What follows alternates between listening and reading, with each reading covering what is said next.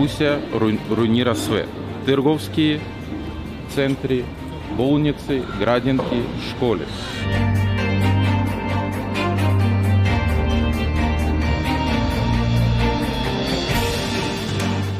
Сега Украина на највише на нези необходна помош од муниција, од окупни возила, од авиони, тоа е затоа што можеме да собираме многу храна, многу све, ама без оружје, без муниција таа војна може да трае многу долго. у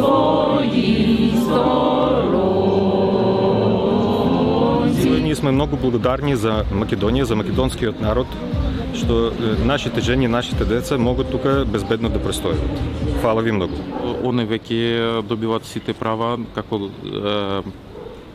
граѓани на Македонија можат да се вработат, имат право за бесплатно здравствено осигурување и со тоа мислам полека полека би можеле украинци да се интегрират во македонско општество и да работат.